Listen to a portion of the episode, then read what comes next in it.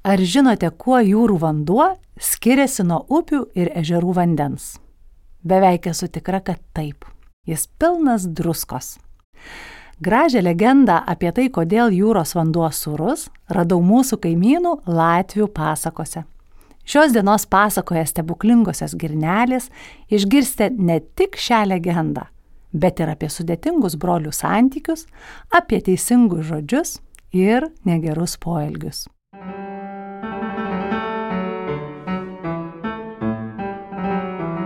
Sveiki, aš esu Kristina Savickytė ir džiaugiuosi, kad įsijungėte mano kūriamą tinklalaidę vaikams pasaką su uodega.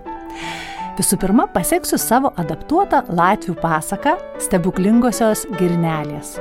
O tada kartu gaudysime pasakos uodegą. Pasakos atmosferą kurti šiandien man padės muzikos terapeutė ir mokytoja Jurgita Žebrauskaitė Taločkienė. Pasiruošę? Įsitaisykite patogiai ir įdėmiai klausykitės.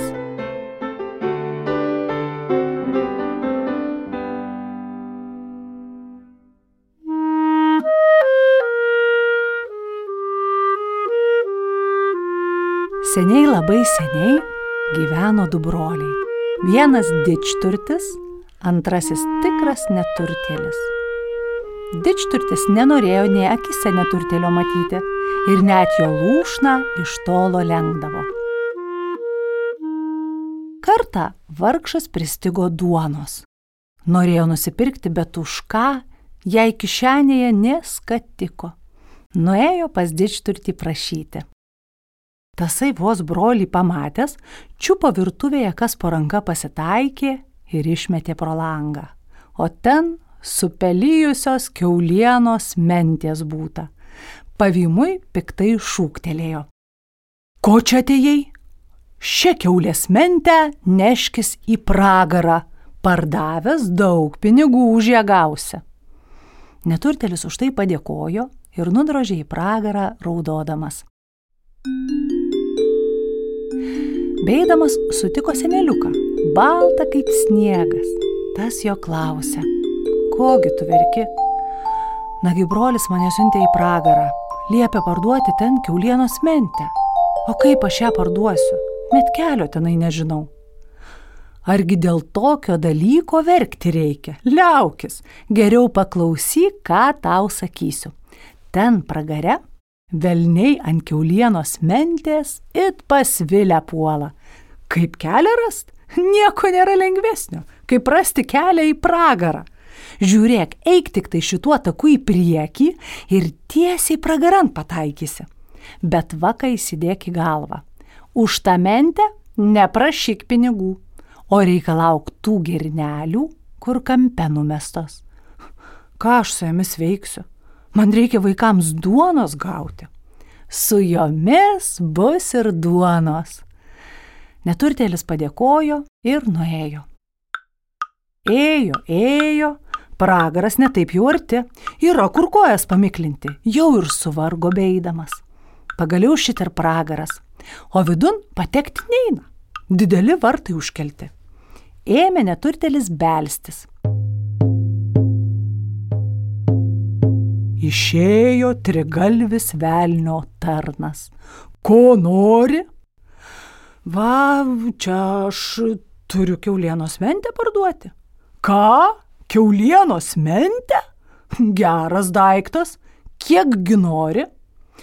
Na ką čia daug prašysi, atiduok man tas girneles, kur kampe numestos ir užteks. Ne, ne, ne, šito ne, prašyk ko kito. Man nieko kito nereikia. Jei duosi girneles, tai ir sutarta. Ne, ne, drauguži, šito neduosiu. Trigalvis daro žiuojasi, bet neturtelis jau mato, kad velnio tarnas užuodė kumpį ir tik seilę ryja, todėl savo laikosi. Galop velnio tarnas paspyrė koją girneles. Tegul įmas. Gerai. Abu du įsiskyrė, velnio tarnas su keulienos mente nurūko į pragarą ir didžiuosius vartus iš viršaus užsklendė. O neturtelis su girnelėmis įskubėjo namo į savo lūšną. Kelyje vėl sutiko baltąjį senelį. Na kaip, gavai? Gauti gavau, bet ką aš su jomis veiksiu? juk neturiu ne ašakėlės. Geriau būčiau prašęs kokio pinigo, bent duonos kampą nusipirkti galėčiau. Klausyk, brolau, tu taip nekalbėk, kol nežinai. Tos girnelės yra labai geras daiktas. Jos tau duos ne tik duonos, bet visko, ko tik reikės.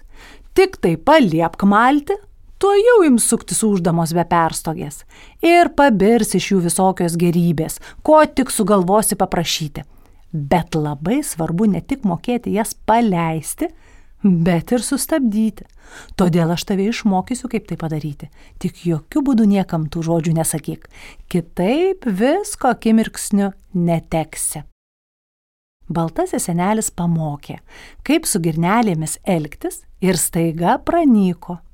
O neturteliui prasidėjo laimingos dienos.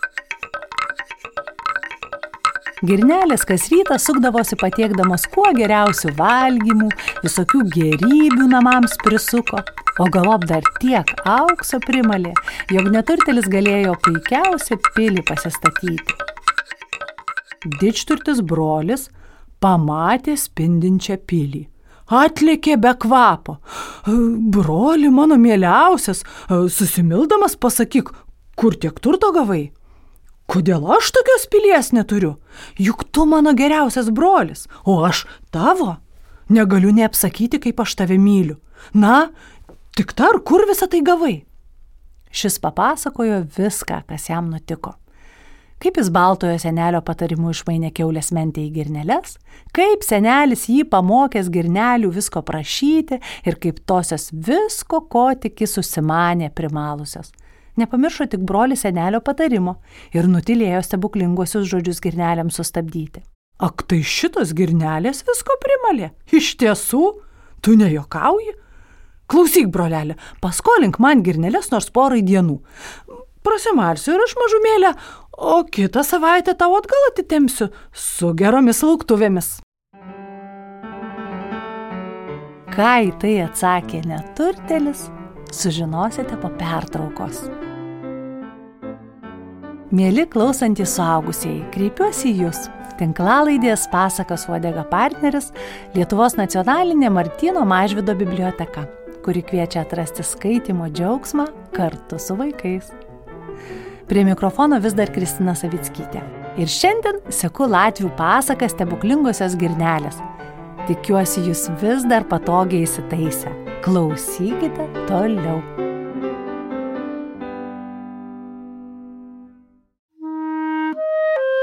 Pirmojoje pasakos apie stebuklingasias girneles dalyje neturtelis, gavęs iš turtingojo brolio keulienos mentę, pragarė ją išmainė į stebuklingasias girneles. Šios ne tik maisto jam primalė, bet ir daiktų reikalingų bei auksą, už kurienas didžiausią pilį pasistatė. Tai pamatęs, didžturtis atbėgo pas brolį, didelę meilę jam rodė ir prašė stebuklingasias girneles paskolinti. Gerai, gerai, broli, mielai, dabar jau turiu gana duonos ir turto, prasimalk ir tu bent kiek. Tai išgirdęs didžturtis pasičiupo girneles ir pardūmė namo. Parlikė negalinė kvapo atgauti visas virpa iš džiaugsmo. Žmona nustebo. Kokia nelaimė jį ištiko, kad taip be dvasios parlikė o vyras kvapo net gaudamas tik rodo po pažasčia kokį daiktą, nori ką pasakyti, bet žodžių ištarti negali. Tačiau jau vėlus metas, laikas miegoti, pažadėjo rytoj viską apsakysęs. Iš ryto dičturtis rengėsi su vyrais į pievas. Šeimininkė norėjo namuose likti. Pusryčiams košės virsinti, bet vyras neleido. Tegul einantis su visais į pievas. Prieš pusrytį jis pats parbėgsęs namo ir girnelėmis greitai kožės pramalsęs. Gerai. Visi išėjo į pievas.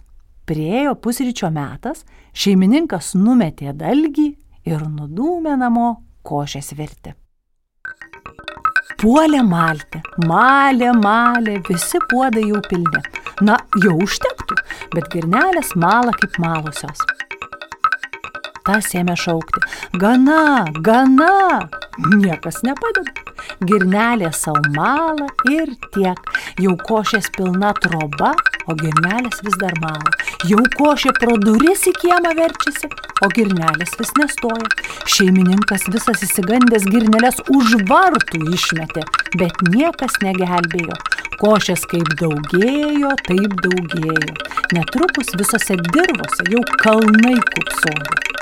Na, jau paskutinioji atėjo. Pagaliau čiupo tas pašėlusias girneles ir nunešė broliui atgalios. Tegul dedas kur nori tokį košės malūną o brolis tik nusišypsojo iš tokių bėdų. Jis tyliai ištarė reikiamus žodžius, kad girnelės sustotų. Ir košės kaip nebūta.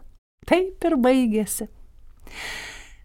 Bet vieną sykį brolis nusprendė savo naująją pilį aukso stogų dengti, kad nerudytų ir lyjant nebėgtų kaip pro kokias skiedras ar čerpes. Saulėtą dieną pro šalį plaukė jūrininkai ir pamatė, ką tolumoje spindint. Stebuklai, kaip taip gali būti? Išlipo iš laivo ir atėjo pasižiūrėti. Perėjo pievas, perėjo lankas, ant kalno pilis, o pilies stogas grino aukso. Beldžiasi į vartus.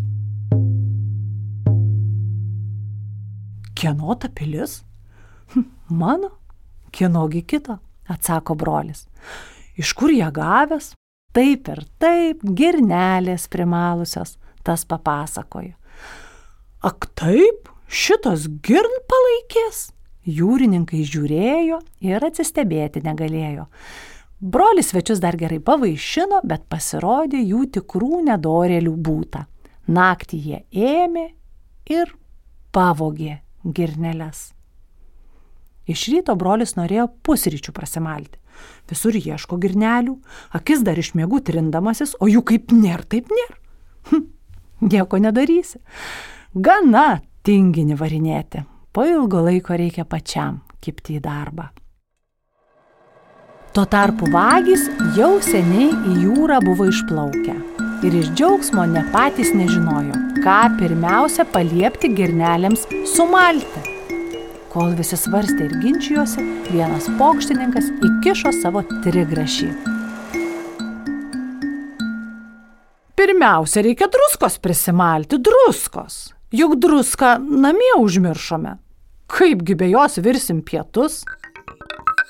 Na gerai, tegul pradžiai, kad ir tas druskos pramala. Matys, kaip tas malimas eina. Malė, malė, jau tokia statinaitė pilna užtektų, norėtų sustabdyti, bet kur tau? Girnelės sukasi kaip patrakusios. Kasgi čia? Jie supuolė ir bandė jėga sustabdyti. Tuščias darbas. Niekas negelbėjo. Netrukus laivas buvo pilnas druskos ir nugarmėjo su visais nedoreliais jūrininkais ir visomis girnelėmis.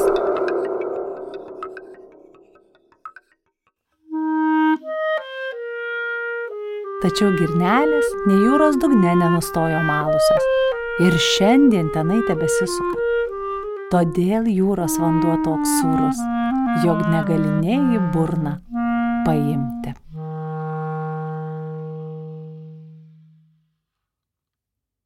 O dabar gaudyk pasakas uodegą.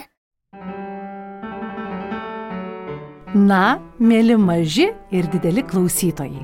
Visų pirma, kviečiu pasikalbėti su mama ar tėčiu, močiute ar seneliu ar kitu suaugusiuoju. Kaip ten yra su broliais ir sesėmis? Ar jums nepasirodė, kad pasakoja dičturtis nelabai gražiai su savoju broliu elgėsi? Ar nebūna jums taip?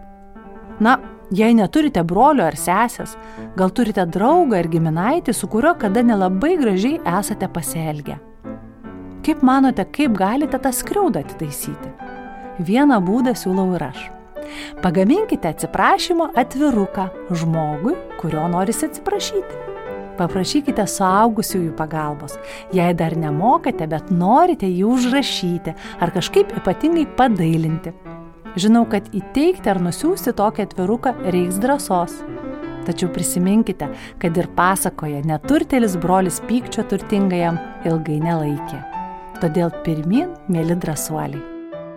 Pagausiu, pagausiu, pagavau. O dabar pagaukime žodį. Pasakose kartais galime rasti tokių žodžių, kurių kasdien nesutinkame ir patys nevartojame. Dabar kviečiu sugauti keletą retų ir nuostabių šiandieninės pasakos žodžių. Šiandien pagavau du žodžius, kurių kiekvienas sudarytas iš dar dviejų žodžių.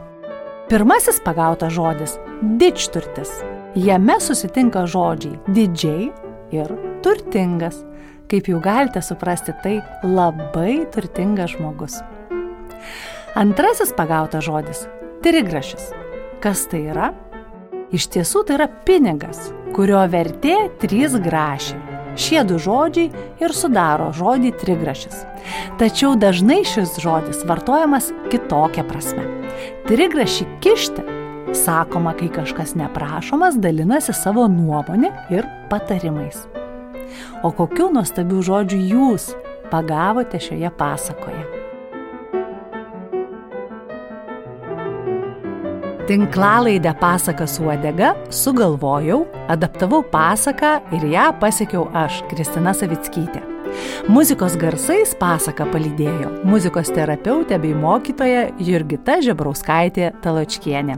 Šiandien jį grojo kalimba, skambančiais blokeliais, taip pat smulkiais perkusiniais instrumentais - griaustinio, jūros, šulinuku ir kitais. Pasakos temą sukūrė ir klarnetu atliko Ignas Daniulis. Na, o tinklalaidės pradžioje ir dabar skamba Johano Sebastiano Bacho Goldbergo variacija numeris 10, atliekama pianisto Kimiko Išizaka. Tinklalaidė įrašyta Lietuvos nacionalinės Martino Mažvido bibliotekos garso įrašų studijoje. Garso režisierė Katažina Bitoft. Jei norite nepraleisti naujų pasakų, būtinai paprašykite tėvų prenumeruoti tinklalaidę ten, kur jiems patogu - Apple Podcasts, Spotify ar kitose tinklalaidžių platformose. Taip pat visas tinklalaidės užkulisių reportažais galite rasti mano puslapyje www.savitskytė.lt, mano Instagram paskyroje arba Facebooko grupėje Auginu kūrybiškai. Ačiū, kad gaudėte pasakos uodegą kartu su manimi. Iki kitų kartų.